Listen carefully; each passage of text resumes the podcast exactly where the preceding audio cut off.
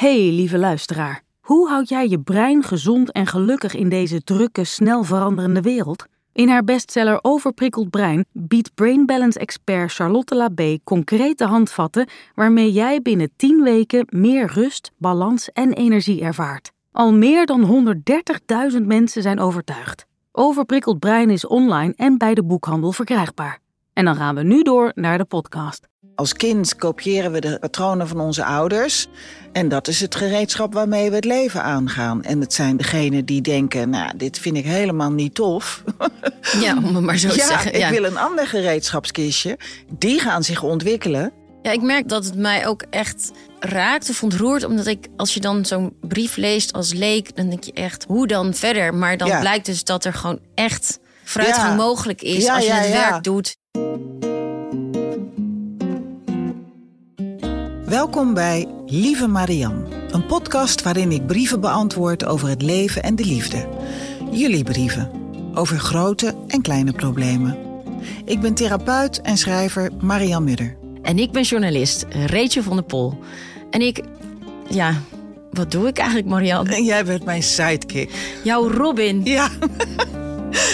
Met deze podcast hopen wij wat troost en inzicht te geven aan wie dat nodig heeft. Misschien jij wel. Vandaag behandelen we de brief van Marjolein, die na een traumatische jeugd nog steeds kampt met woedeaanvallen. Rachel leest de brief voor.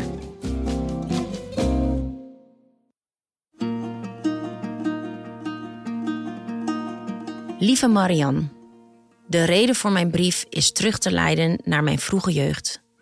Mijn moeder is opgegroeid in een gezin waar incest heeft plaatsgevonden. In ieder geval bij de oudste twee dochters, mijn moeder en haar jongere zus. De onveilige situatie van mijn moeders gezin heeft zij doorgegeven aan ons. Ze heeft gekozen voor een partner die narcistisch was. Onze thuissituatie was getekend door ruzie en geweld. Ik heb vroege herinneringen van tussen mijn tweede en derde jaar. Elke avond werden wij als kinderen uit bed geroepen tijdens ruzies. Eerst mijn zus naar beneden, daarna ik. Klappertandend stond ik daar als klein meisje. Ik moest aan mijn vader aangeven wat er die dag wel of niet gebeurd was, zodat hij kon bepalen wie de waarheid sprak en wie er in zijn ogen gelijk had. Daarna ging de ruzie tussen mijn ouders verder en zaten mijn zus en ik op bed samen te wachten tot het voorbij was. Ik was best slim en had genoeg vriendinnen. Op school kon ik makkelijk mee, ook al maakte ik mijn huiswerk niet. Dat was onmogelijk thuis. Mijn vader kon mij wekenlang negeren. En als hij iets zei, was het kleinerend of minachtend. De klappen deden mij niet zoveel. Toen ik een jaar of acht was, heb ik mijn moeder teruggeslagen, waar mijn vader bij was. Ik zei: Dit is de laatste keer dat jullie mij aanraken, anders bel ik de politie. Ik weet dat mijn zus, die toen al 13 was, wel langer fysiek mishandeld is. Vanaf de middelbare school begon ik mijn eigen leven te leiden. Ik was ervan overtuigd dat ik mijn leven wel op orde kon krijgen. Mijn vader haatte mij hierom en heeft me dit elke dag laten weten. Maar het is me gelukt. Ik heb mijn eigen leven opgebouwd. Na de middelbare school en MAO ben ik in militaire dienst gegaan. Daar kon ik eindelijk mezelf zijn en letterlijk laten zien wat ik in mijn mars had. Tijdens mijn dienstperiode heb ik hulp gezocht, zoals psychotherapie, EMDR, hypnotherapie, mindfulness en een opleiding tot intuïtief coach en nog vele andere cursussen die me steeds dichter bij mezelf brachten. Alleen die woedeaanvallen, die zijn altijd gebleven. Als onrecht, onbegrip of een opmerking me raakt, dan komt er een woede in mij naar boven die ik niet kan beschrijven. Het lijkt alsof ik buiten mezelf treed. Ik zie en hoor mezelf alsof ik erboven zweef.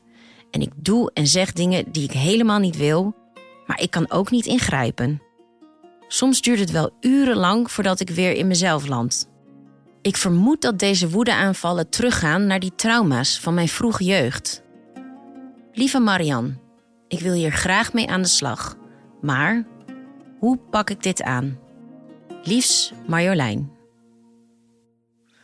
Zo, ja, nou, dat is wel een verhaal, ja. Dat, ehm, ik denk dat ze gelijk heeft dat die woedeaanvallen eh, te maken hebben met, met trauma's die er nog zitten.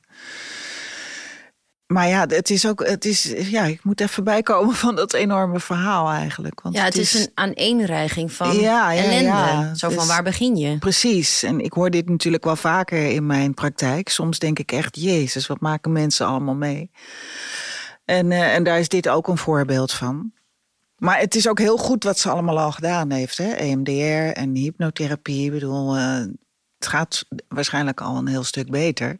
Alleen ja, ze wordt nog getriggerd in dingen die er nog zitten. Want um, die trauma's van vroeger, die enorme woede, dat is, dat is uh, vechten.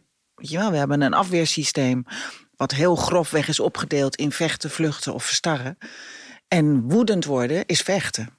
En dit was natuurlijk een enorm vechtersbaasje. Want als meisje van acht is het ongelooflijk moedig om tegen je mishandelende vader te zeggen: Als je me nog één keer slaat, bel ik de politie. Dus, dus zij is al heel jong, heel goed geweest in haar eigen leven redden. Dus dat is al ontzettend geweldig. Ja, dat, dat roept bij mij ook de vraag op. En dat is natuurlijk eigenlijk niet te beantwoorden. Maar zij heeft eigenlijk van niemand geleerd het kan ook anders. Mhm. En zij lijkt vanaf hele jonge leeftijd toch al wel te beseffen van dit moet en kan anders. Ja, ja, ja. En, en dat kan, dat weet ik niet hoor. Maar het, dat kan te maken hebben met het feit dat ze de jongste is. Omdat de jongste vaak de situatie beter kan beschouwen. Die ziet wat er gebeurt met haar oudere zusje en kan daar al lessen uittrekken door bijvoorbeeld uh, vermijdend gedrag te gaan vertonen. Of, zoals zij heeft gedaan, tegen de vader zeggen: Als je me nog één keer aanraakt, dan bel ik de politie. Dus dat kan ook te maken hebben met de positie die je inneemt in het gezin. Ja. Want iedereen binnen het gezin maakt iets anders mee. Iedereen binnen hetzelfde gezin heeft een andere jeugd. Omdat ouders zich altijd anders verhouden tot de kinderen. En ieder kind heeft zijn eigen beleving binnen wat er gebeurt. En het zou kunnen dat zij gevoeliger was of bepaalde, ja, misschien intelligenter was. Dat, dat kan ik allemaal niet eh, zo heel duidelijk stellen. Maar dat soort factoren zijn heel belangrijk in hoe iemand vervolgens omgaat met de situatie. En zij is overduidelijk heel slim. Ja, want, want wat me ook opvalt in haar brief. Kijk, zij schrijft. Mijn moeder koos voor een narcistische partner. Iemand die ook beschadigd was, net als haar moeder. Ehm, zij probeert iets te breken, maar het lijkt wel of die moeder eigenlijk niet eens een keuze heeft. Alsof ze gewoon een soort doorgaat in een... Ja, en die moeder zal zich ook nergens van bewust zijn. Die heeft gewoon het patroon vanuit haar jeugd voortgezet in haar eigen leven. Dat is, als we niet, niet bewust worden, is dat wat er gebeurt. We nemen als kind, kopiëren we de patronen van onze ouders... En dat is het gereedschap waarmee we het leven aangaan. En het zijn degenen die denken, nou, dit vind ik helemaal niet tof. Ja, om het maar zo te ja, zeggen. Ja, ik wil een ander gereedschapskistje. Die gaan zich ontwikkelen dat is dan het eerste bewustzijn wat je hebt. Dat je denkt, zo wil ik het helemaal niet. Of kinderen die naar hun ouders kijken en denken: ik wil een ander leven dan dat jullie hebben. En vervolgens op zoek gaan naar andere handvatten. En gewoon letterlijk naar een ander gereedschapskistje. En dan ontwikkel je je emotionele intelligentie. Je gaat observeren, je gaat leren. Dus dan ga je, begin je met andere keuzes te maken. En ja, dat door allerlei omstandigheden heeft die moeder daar blijkbaar nooit ruimte voor gehad. Dus die heeft gewoon haar eigen jeugd voortgezet in haar huwelijk. Ja. Even terug naar die woedeaanvallen. Jij zei gelijk al van ja, dit, dat is inderdaad waarschijnlijk terug te voeren op de trauma's uit haar vroege jeugd. Mhm. Zij heeft al heel veel werk verricht, maar ja, die woedeaanvallen blijven. En zij omschrijft een toestand van boven jezelf zweven als ze in zo'n woedeaanval zit. Ja, wat, wat is dat? Of kan jij uitleggen wat daar gebeurt? Uh, ja, dat, dat, dat, dat is waarschijnlijk dissociatie. Dissociatie betekent zoveel als dat je je volledig afsluit van je gevoel om geen pijn te voelen. En dat kan zo uh, in zo'n hevige mate gebeuren dat het voelt alsof je uit je lichaam treedt. Dus dan heb je geen enkel contact meer met wat je werkelijk voelt. En dat is, dat, is, uh, dat is ook een afweermechanisme. Dat is gewoon uh, zorgen dat je geen pijn voelt. Dat is iets wat je al heel jong aanleert. En de woede, de woede die komt voort uit de pijnprikkel die je voelt wanneer iemand iets zegt of doet wat jouw hersens doen denken aan wat er vroeger is gebeurd. Dat gaat in millisecondes. Ons afweersysteem is 11 miljoen keer sneller dan onze bewuste geest. Dus daarom snapt ze niet wat er gebeurt. Maar wat er gebeurt is, ze wordt geraakt in dat trauma. In dat trauma van jij bent niks waard. En in een milliseconde schiet ze in woede. Maar die pijn, om hiervan af te komen, zal ze die pijn moeten voelen. En daar zit waarschijnlijk ook heel veel verdriet aan vast. Dus wat ik met, met EFT doe, is precies waar ik met EFT op werk. Dat is zoeken naar de oude pijnpunten, oude momenten die heel veel pijn hebben gedaan en die nog steeds als een actieve herinnering in het lichaam zitten. Ja, je hebt het over EFT. Voor jou is dat gesneden koek. Ik weet inmiddels ook wat het is, maar kan je even ons kort meenemen in wat dat is? Oh ja, EFT is Emotional Freedom Techniques. Dat is een, een kloptechniek waarbij je klopt op verschillende punten op je gezicht en op je romp. Waarbij je aan bepaalde situaties denkt of waar eigenlijk herbeleeft. Je moet, dus, je moet er vooral niet aan denken, je moet ze herbeleven. En je spreekt korte zinnetjes uit. Dat is het heel in het kort. Het is een vrij uitgebreid protocol. Maar met EFT kun je oude pijn ontladen. Dus alles wat wij meemaken wordt opgeslagen in ons emotionele brein. Het wordt opgeslagen in ons lijf. En wanneer er hele pijnlijke dingen zijn gebeurd die we destijds niet hebben ontladen, want ontladen dat leren wij niet, dat wordt ons afgeleerd. Dan kun je daar al maar in getriggerd worden. En dat kan voor enorme woedeaanvallen zorgen. En daaronder zit pijn en verdriet.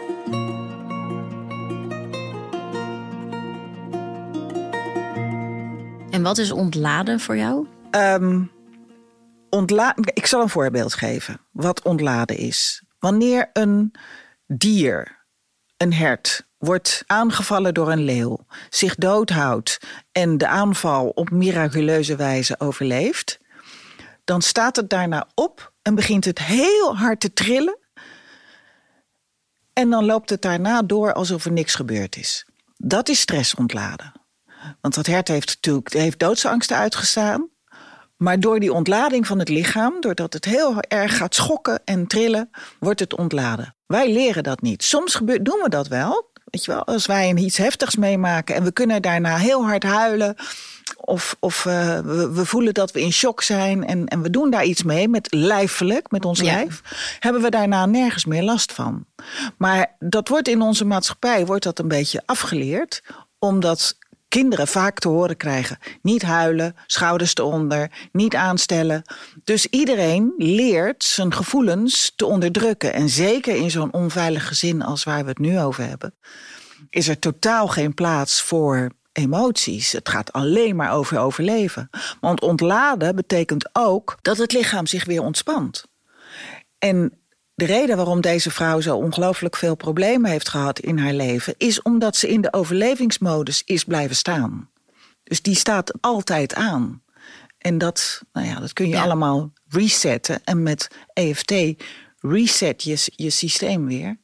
Waardoor je weer kunt ontspannen en waardoor je uit die overlevingsmodus gaat. En, uh, en je geen last meer hebt van het verleden in het heden. Ja, ik moet nu ook denken aan uh, ik, afgelopen zomer was natuurlijk ook weer zomergasten. Uh in één aflevering is toen heel erg bij mij blijven hangen. Die zet mhm. ik ook in de show notes. Die van Bessel van de Kolk. Ja, ja, ja. Die expert op het gebied van trauma. Ja. Omdat hij zo goed uitlegt wat het in het lijf doet. En dat kan je helemaal niet voorstellen. Maar... Ja, dat is fantastisch. Hij heeft een boek geschreven, Traumasporen. En die zetten we ook in de show notes. Ja, want dat is een ontzettend goed boek om te lezen wanneer je, als je getraumatiseerd uit je jeugd bent gekomen, waarin sprake was van mishandeling en of misbruik.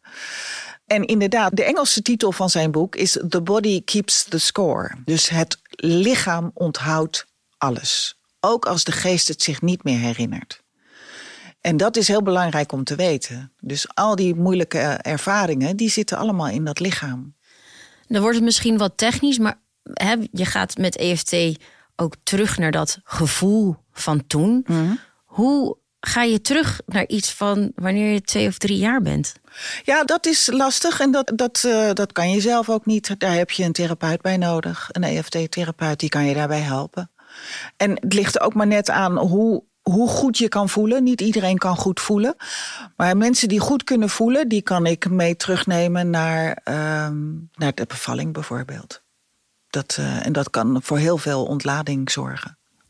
En heb je mensen geholpen die in een soortgelijke situatie zitten, of hè, waarna het ook echt beter gaat? eh, ja, ik heb toevallig kort geleden iemand behandeld met een soortgelijk verhaal. Dat je na, na de intake denkt, oh my god. Maar dit was ook iemand die al heel veel gedaan had op het gebied van therapie en, eh, en heel veel bewustzijn had en heel goed begreep wat er aan de hand was. Dat, dat helpt altijd. Dan gaat het vaak sneller. En deze vrouw eh, was na vier sessies, zei ze, ik voel me een ander mens. En had al van ontzettend veel dingen geen last meer. Ja, ik word daar heel blij van. Ja, ik merk dat het mij ook echt raakt of ontroert. Omdat ik, als je dan zo'n brief leest als leek, dan denk je echt, hoe dan verder? Maar dan Ja. blijkt dus dat er gewoon echt vooruitgang Ja. mogelijk is als je het werk doet. EMDR En- is ook echt een fantastische methode. En EFT werkt ook heel erg goed. En, en EFT kun je op jezelf toepassen.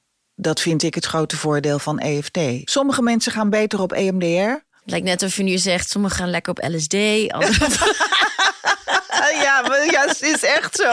maar het is maar net wat voor jou werkt. dus, dus natuurlijk. probeer gewoon. En het is ook afhankelijk van degene, weet je wel, van de therapeut waarmee je te maken hebt. Ja. Het grote voordeel van EFT is dat je het zelf kunt doen.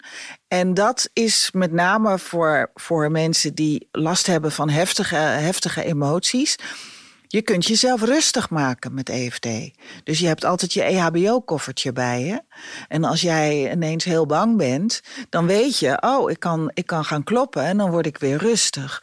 Dus het maakt je minder bang voor de woede of de angst, omdat je jezelf er weer uit kunt halen. Dat vind ik het hele grote voordeel van EFT. Ja. Dus voor Marjolein kunnen we zeggen... Ja, ja, want ze heeft al EMDR gedaan. Dus ik zou zeggen, ga, ga met EFT eh, in de weer. Ja, en heel veel succes. Ja, heel veel succes. Ja.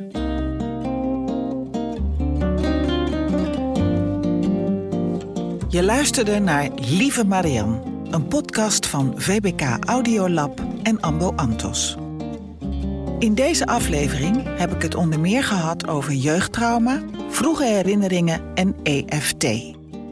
Wil je daar meer over weten? Lees dan mijn boek Wat ik eerder had willen weten of ga naar mijn website marianmudder.nl. Zit je zelf met een probleem waar je niet uitkomt? Dan kan je een brief sturen naar lievemarian.gmail.com. Ik kan niet alle brieven beantwoorden, maar ik lees ze wel allemaal. Ik probeer zoveel mogelijk thema's te behandelen, zodat ook jouw probleem behandeld wordt, maar dan misschien verpakt in een ander verhaal. Dus blijf me vooral schrijven. Redactie van deze podcast is in handen van Rachel van der Pol en ik, Marian Mudder. Coördinatie Hedy de Vree en Piet van Riel. Opname en sounddesign is gedaan door Podworks. Bedankt voor het luisteren en hopelijk tot de volgende aflevering.